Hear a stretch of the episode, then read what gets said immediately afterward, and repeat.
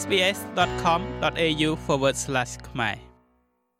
ក្នុងសន្និសីទសារព័ត៌មានស្ដីពីសមិទ្ធផលសម្រេចបានរយៈពេល5ឆ្នាំរបស់ក្រសួងអប់រំយុវជននិងកីឡានាព្រឹកថ្ងៃទី16ខែសីហាឆ្នាំ2022អ្នកនាំពាក្យក្រសួងអប់រំយុវជននិងកីឡាលោកបណ្ឌិតរស់សុវិចាបានឲ្យដឹងថា ការបញ្ចូលកម្មវិធីសិក្សាភាសាវៀតណាមនៅសាកលវិទ្យាល័យភូមិន្ទភ្នំពេញ គឺដើម្បីពង្រឹងកិច្ចសហប្រតិបត្តិការរវាងប្រទេសទាំងពីរតាមរយៈការលើកកម្ពស់ការរៀននិងបង្រៀននៅកម្រិតឧត្តមសិក្សានិងទស្សនវិជ្ជាពាក់ព័ន្ធនានាលោកហ៊ុនសែននាយករដ្ឋមន្ត្រីនៃប្រទេសកម្ពុជាបានបញ្យល់ថា ការបង្កើតនេះមិនមែនយកវៀតណាមមកបង្រៀនរៀនអក្សរវៀតណាមនៅស្រុកខ្មែរទេ យើងមាន department តាំងពីភាសាឡាវតាំងពីភាសាថៃ តាំងពីភាសាចិន តាំងពីភាសា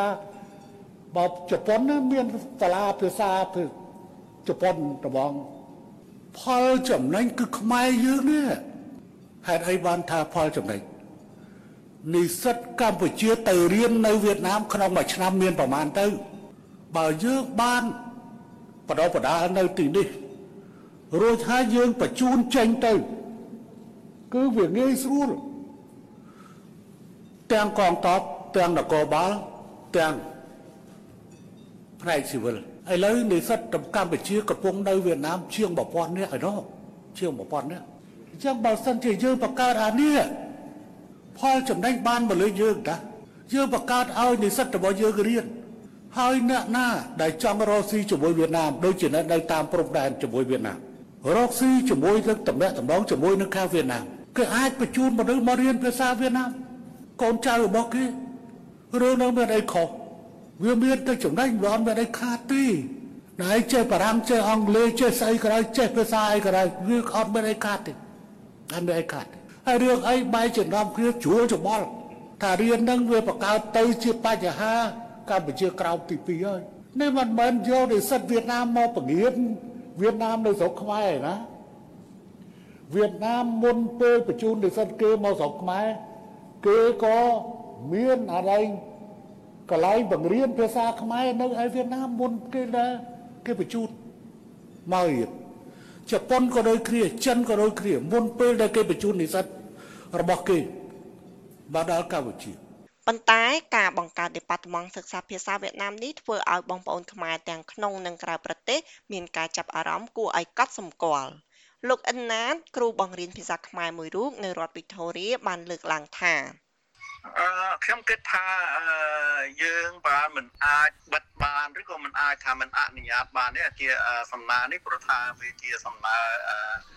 ផ្លូវការហើយការបើកភាសាវៀតណាមហ្នឹងវាសំខាន់គឺវាស្រេចទៅលើអឺអ្នករៀននិងសាលាគោលការណ៍របស់សាលារៀនជៀសវាងការ បង្កើតអធិពលអឺការរៀនភាសាហ្នឹងយើងបញ្ចូលអធិពលនយោបាយឬអ្វីផ្សេងផ្សេងទៀតអឺតែបើគ្រាន់តែការបើកជា department សម្រាប់ដែលរៀនភាសាវៀតណាមខ្ញុំគិតថាវាមិនមានបញ្ហាទេសំខាន់លើអ្នករៀននៅលើរដ្ឋាភិបាលហើយដាក់គោលការណ៍ថាការរៀននោះជា ផលប្រយោជន៍អ្វីខ្លះដល់អ្នករៀនដល់ប្រទេសកម្ពុជាដល់សង្គមកម្ពុជាព្រោះថានៅបរទេសក៏គេមានក្រសួងភាសាផ្សេងផ្សេងនៅអូស្ត្រាលីនេះមានភាសាច្រើនណាស់គេឲ្យរៀនច្រើនមែនទែនទាំងមហាវិទ្យាល័យទាំងសាលារបស់ស្ថាប័នខ្លះដែលតាក់ទងនឹងរឿងភាសាហ្នឹងគឺគេឲ្យមានភាសាច្រើនគឺទាំងភាសាខ្មែរភាសាវៀតណាម ជប៉ុនចិនរុស្ស៊ីអីជាដើមពួកវាសំខាន់សម្រាប់ប្រជាជនដែលរៀនហ្នឹងអ្នកដែលរៀនហ្នឹងអាចចេញទៅធ្វើការហ្នឹងប្រើភាសាបើសិនជាយើងធ្វើការនៅប្រទេសវៀតណាមហ្នឹងប្រហែលជាយើងអាចធ្វើការបានសុក្រិតជាងបានម៉ត់ចត់ជាងបើយើងចេះភាសាវៀតណាមលោកយ៉ាន់ប៊ុនណាតប្រធានសហព័ន្ធខ្មែរកម្ពុជាក្រោមប្រចាំរដ្ឋវិទូរីយល់ឃើញថា ជាធម្មតាតំណែងតំណងរវាងតំណែងតំណងការទូតរវាងប្រទេសនីមួយៗនេះវាតែងតែមានការតំណែងតំណងជាមិត្តភាពរវាងប្រទេសផ្សេងផ្សេងដោយកម្ពុជាតើមានតំណែងតំណងជាមួយអាមេរិកចិនហើយថៃឬមួយប្រទេសភូមិផងបងជាមួយនឹងមានថៃមានឡាវមានវៀតណាមអញ្ចឹងអាហ្នឹងក៏តម្រូវការនៃការដែលយើងចេះភាសាប្រទេសផ្សេងផ្សេងដែល ជាការតំណាក់តំណងគ្នាទៅវិញទៅមកឲ្យវាបានរលូនហ្នឹងក៏តម្រូវការភាសាហ្នឹងក៏ជាការចាំបាច់ដែរណាហើយបើកាលណាក្នុងសាលាមហាវិទ្យាល័យនោះបើថាភាសាវៀតណាមសុទ្ធហើយរៀនថាភាសាភាសាវៀតណាមសុទ្ធគ្រប់ជំនាញហើយប្រើថាភាសាវៀតណាមនៅគ្រប់ជំនាញអាហ្នឹងវាជាបញ្ហាប៉ុន្តែបើរៀនតែភាសាវៀតណាមមួយផ្នែកក្នុងសាលាមហាវិទ្យាល័យរបស់ខ្មែរអាហ្នឹងវាមិនជាបញ្ហាទេព្រោះអីយើង ត្រូវការរៀនភាសាដើម្បីតំណាក់តំណងការទូតរវាងប្រទេសកម្ពុជា និងប្រទេសផ្សេងផ្សេងជាពិសេសប្រទេសដែលភូមិផងបងជាមួយនឹងបាទនេះគឺជាមតិបន្តខ្លួនរបស់ខ្ញុំហ្នឹងបាទចំណែកឯលោកជីយូហនប្រធានសមាគមខ្មែររដ្ឋវីតូរីបានបង្ហាញការយល់ឃើញផ្ទាល់ខ្លួន ចំពោះបញ្ហាដែលអាចកើតមាននិងភាពមិនស្មើគ្នារវាងប្រជាពលរដ្ឋខ្មែរកម្ពុជាក្រោមចំពោះខ្ញុំខ្ញុំយល់ឃើញថាអានឹងគឺជាគ្រោះថ្នាក់មួយ ចំពោះជាតិខ្មែរយើងទាំងអស់គ្នាការបើកបង្រៀននោះវាមិនជាបើយើងគិតដោយរបៀបដូចជានៅអូស្ត្រាលីនោះវាមិនជាការអីទេរៀនភាសាណាក៏ក៏វាមិនទាស់ខុសអីដែរក៏ប៉ុន្តែអឺប្រវត្តិរបស់ខ្មែរហើយនិងវៀតណាមហ្នឹងគឺវាមានបញ្ហាច្រើនទី1គួរតែរដ្ឋាភិបាលសុំឲ្យបើករៀនភាសាខ្មែរនៅប្រទេសវៀតណាមផងដែរពីព្រោះ នៅទីនោះគឺយើងមានបងប្អូនខ្មែរយើងជិត10លាននាក់ដូច្នេះយើងហើយដូចគ្នាទាំងអស់គ្នាហ្នឹងគឺថាបងប្អូនកម្ពុជាក្រោមហ្នឹងគឺតែងតែមានមនោសញ្ចេតនាចង់រក្សានៅទំនៀមទម្លាប់វប្បធម៌អរិយធម៌ហើយជាពិសេសគឺភាសាខ្មែរយើងហ្នឹងនៅប្រទេសវៀតណាមដូច្នេះ បើថាចង់បើកនៅប្រទេសកម្ពុជាត្រូវធ្វើយ៉ាងម៉េចសុំឲ្យបើកភាសាខ្មែរនៅប្រទេសវៀតណាមផងដែរអាហ្នឹងបានវាត្រឹមត្រូវបានវាស្មើភាពគ្នាទី1ហើយទី2អឺបើកាលណា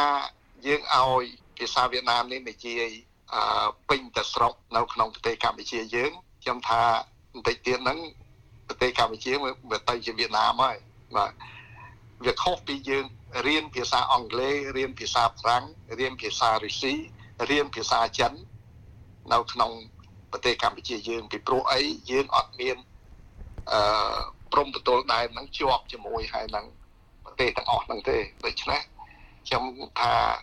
ខានមិនបានត្រូវតែរៀនភាសាវៀតណាមហ្នឹងគឺគួរតែឲ្យរៀនភាសាខ្មែរនៅប្រទេសវៀតណាមផងដែរបាទចាអរគុណណាស់លោកអ៊ំ ចំពោះមួយចំណុចទៀតនៅខាងខ្មែរយើងរដ្ឋាភិបាលនៃប្រទេសកម្ពុជាក៏បានលើកឡើងផងដែរថាការដែលបើកបង្រៀនភាសាវៀតណាមនៅក្នុងសាកលវិទ្យាល័យនេះ គឺវាមិនមែនជាកម្មវិធីថ្នាក់ជាតិដែលអ្នកគ្រប់គ្នានោះត្រូវតែរៀនទេវាគ្រាន់តែជាផ្នែកមួយនៃភាសានៅក្នុងសាកលវិទ្យាល័យដែលសម្រាប់សិស្សនិស្សិតដែលចង់សិក្សាផ្នែកភាសាហ្នឹងឬក៏សិស្សនិស្សិតដែលត្រៀមខ្លួនទៅរៀននៅប្រទេសវៀតណាមនោះទេចាហើយម្យ៉ាងទៀតទៅចំពោះចំណុចនេះវាគឺហាក់បីដូចជាបង្ហាញអំពីចំណុចវិជ្ជមាននៃការដែលធ្វើឲ្យកើតឡើងនៅសាលាភាសាអញ្ចឹងចំពោះលោកអ៊ំតើលោកអ៊ំយល់ថាមតិយោបល់ត្រង់ចំណុចនេះលោកអ៊ំគិតយ៉ាងណាដែរចា ខ្ញុំមិនគ្រប់គ្រងទេពីព្រោះខ្ញុំមានបទពិសោធន៍របស់ខ្ញុំពេលដែលចេញមកពីសម័យប៉ុលពតភ្លាមហ្នឹងគឺខ្ញុំក៏បានចូលធ្វើការនៅក្នុងអឺរបបលោកហេងសំរិនផងដែរហើយពេលនោះគឺគេគេតម្រូវឲ្យយើងរៀនភាសាវៀតណាមកម្មាភិបាលដែលយើងជាអ្នកកម្មាភិបាលដែលជាអ្នកធ្វើការនៅក្នុងរដ្ឋហ្នឹងគឺគេតម្រូវឲ្យយើងរៀនភាសាវៀតណាមបាទ ដូច្នេះឥឡូវហ្នឹងគឺរឿងភាសាវៀតណាមហ្នឹងវាធ្លាក់មកម្ដងទៀតហើយវាធ្លាក់ម្ដងទៀតហើយគឺថាឥឡូវនេះគឺគេគេតម្រូវបើអ្នកណាចង់រៀនគឺត្រូវតែរៀននៅក្នុងនៅនៅក្នុងឧត្តមសិក្សាហ្នឹងគឺមានជាភាសាវៀតណាមដូច្នេះអានេះគឺជាផលប្រយោជន៍មួយសំខាន់ណាស់ចំពោះកូនវៀតណាមកូនវៀតណាមដែលមករស់នៅក្នុងប្រទេសកម្ពុជាហ្នឹងគឺកាលណានេះគឺគេគេយកភាសាវៀតណាមមួយផងដែរដូច្នេះអឺ ដូច្នេះវាចង់មិនចង់គឺថា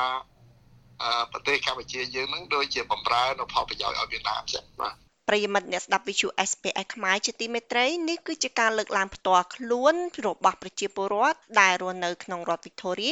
ជុំវិញបញ្ហានៃការបើកដេប៉ាតឺម៉ង់រៀនភាសាវៀតណាមនៅក្នុងសាកលវិទ្យាល័យភូមិន្ទភ្នំពេញ សូមអរគុណសូមជម្រាបលា ចុច like share comment និង follow SPS ខ្មែរនៅលើ Facebook